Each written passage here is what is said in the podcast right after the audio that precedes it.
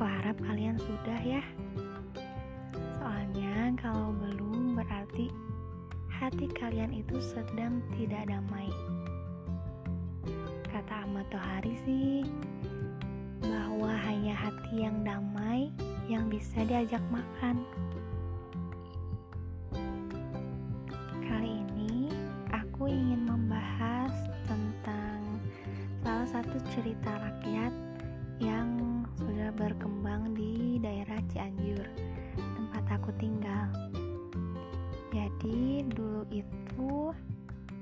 Dikisahkan ada seorang pemuda yang bernama Jamarun.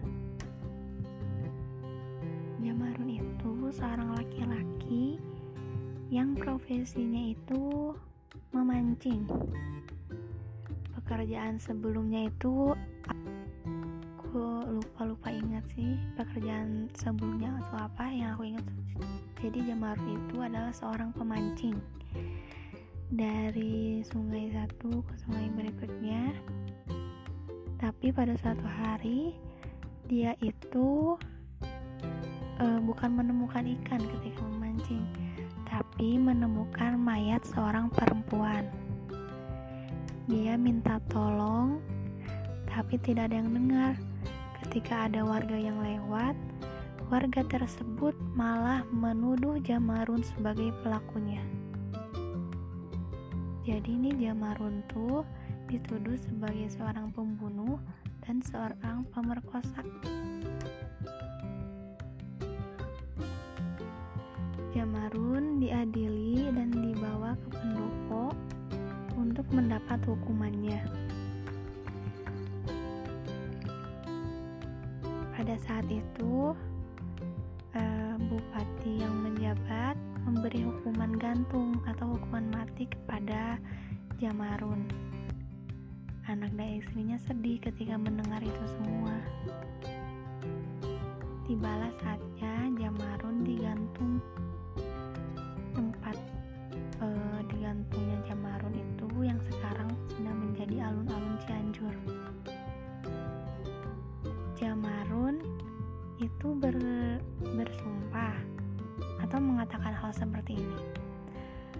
Kalau saya bersalah, mayat saya akan e, menimbulkan bau busuk.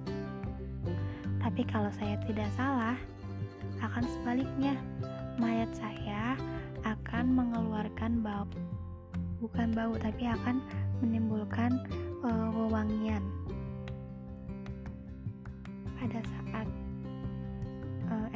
Eksekusi terjadi, uh, mayatnya Jamarun itu mengeluarkan wewangian yang membuat kupu-kupu dari arah mana-mana itu datang mengepung langit alun-alun. Semua orang takjub, semua orang merasa bersalah karena sudah menuduh Jamarun. Dan tentunya mereka juga tahu bahwa Jamarun itu bukan pelakunya. Cerita rakyat ini sudah dibuat puisi oleh beberapa pas, beberapa sastrawan. Salah satunya oleh Kang Faisal Sahreja. Beliau adalah sastrawan yang sangat hebat. Per, e, pertama kali ketemu beliau itu waktu jadi pemateri di kampus Universitas Surya Kencana. Meskipun beberapa kali mendengarkan materinya mas uh, aku masih merasa kurang untuk belajar puisi dari beliau. Semoga suatu saat aku bisa mengikuti jejaknya beliau untuk menjadi seorang penulis. Nah teman-teman itu adalah salah satu cerita dari daerah Cianjur cerita tersebut kalau diperdengarkan kepada orang-orang atau diceritakan ke uh, orang lain berasa apa ya? Hmm, salah satu cerita rakyat yang satu cerita rakyat yang ketika mendengarnya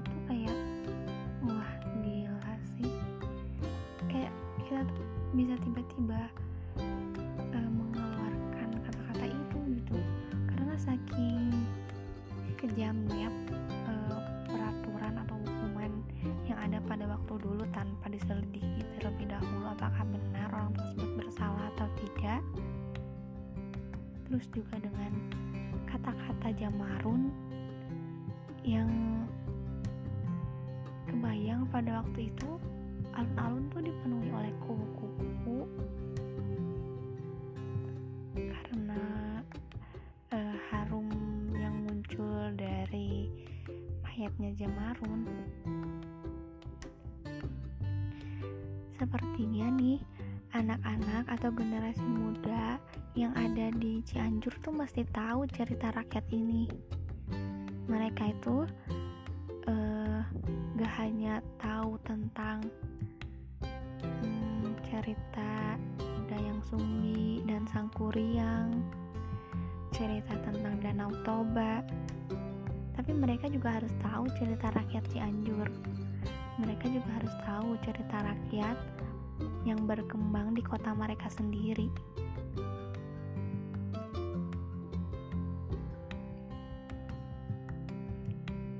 mereka cukuplah belajar hikayat Bayan Budiman dalam pelajaran bahasa Indonesia.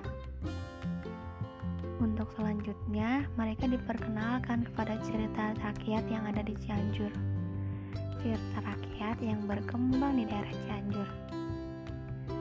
Bahkan, Stadion Badak Putih atau lapangan Badak Putih yang ada di Pamoyanan itu kan dulu ada cerita rakyatnya tapi pertanyaannya adalah, apakah anak muda sekarang tahu cerita rakyat itu? Apakah mereka tahu kenapa pendopo itu diletakkan di daerah Pamoyanan? Apakah mereka tahu asal muasal alun-alun dibangun? Atau apakah mereka tahu bupati pertama Cianjur itu siapa? Orang yang membangun kota Cianjur itu siapa? apa mereka tahu itu semua kalau bukan dari sebuah komunitas bukan dari orang tua bukan dari guru-guru yang memberikan pelajaran di sekolah mereka kayaknya akan tahu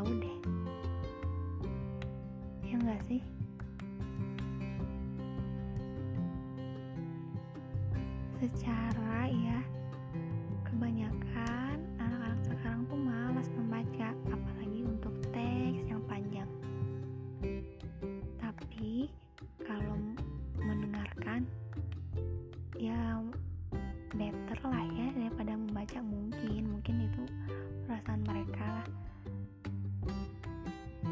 Atau siapa tahu ada beberapa anak juga yang tertarik yang nantinya akan membuat karya dari cerita rakyat tersebut.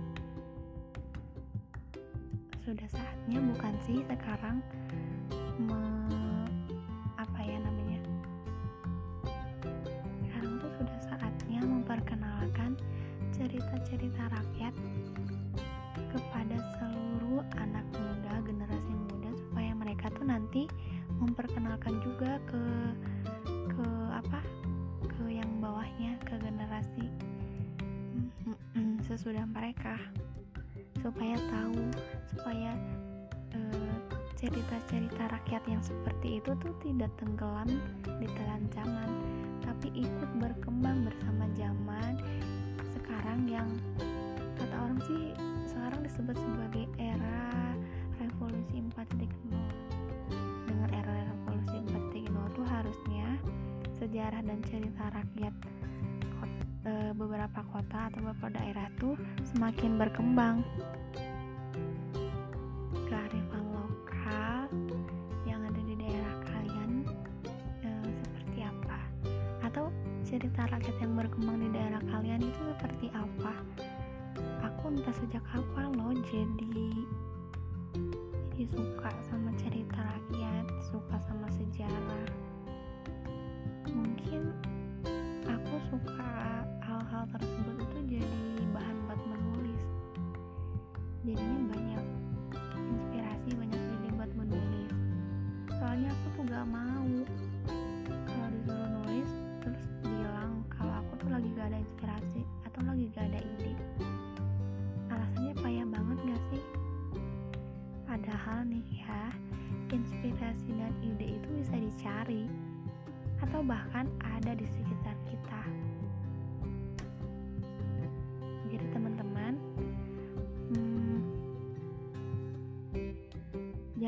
Nih mencari tahu cerita rakyat yang ada di daerah kalian terus juga jangan lupa berkarya karena dengan karya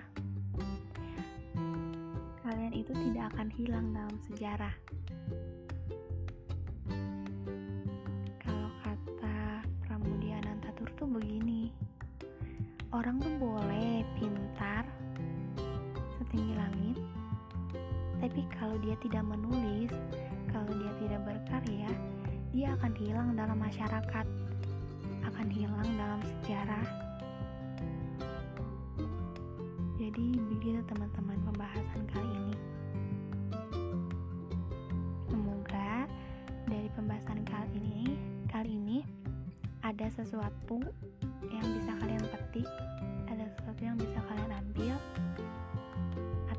mungkin bahkan yang belum dengar cerita Jamarun tuh jadi tahu cerita Jamarun. Semoga podcast ini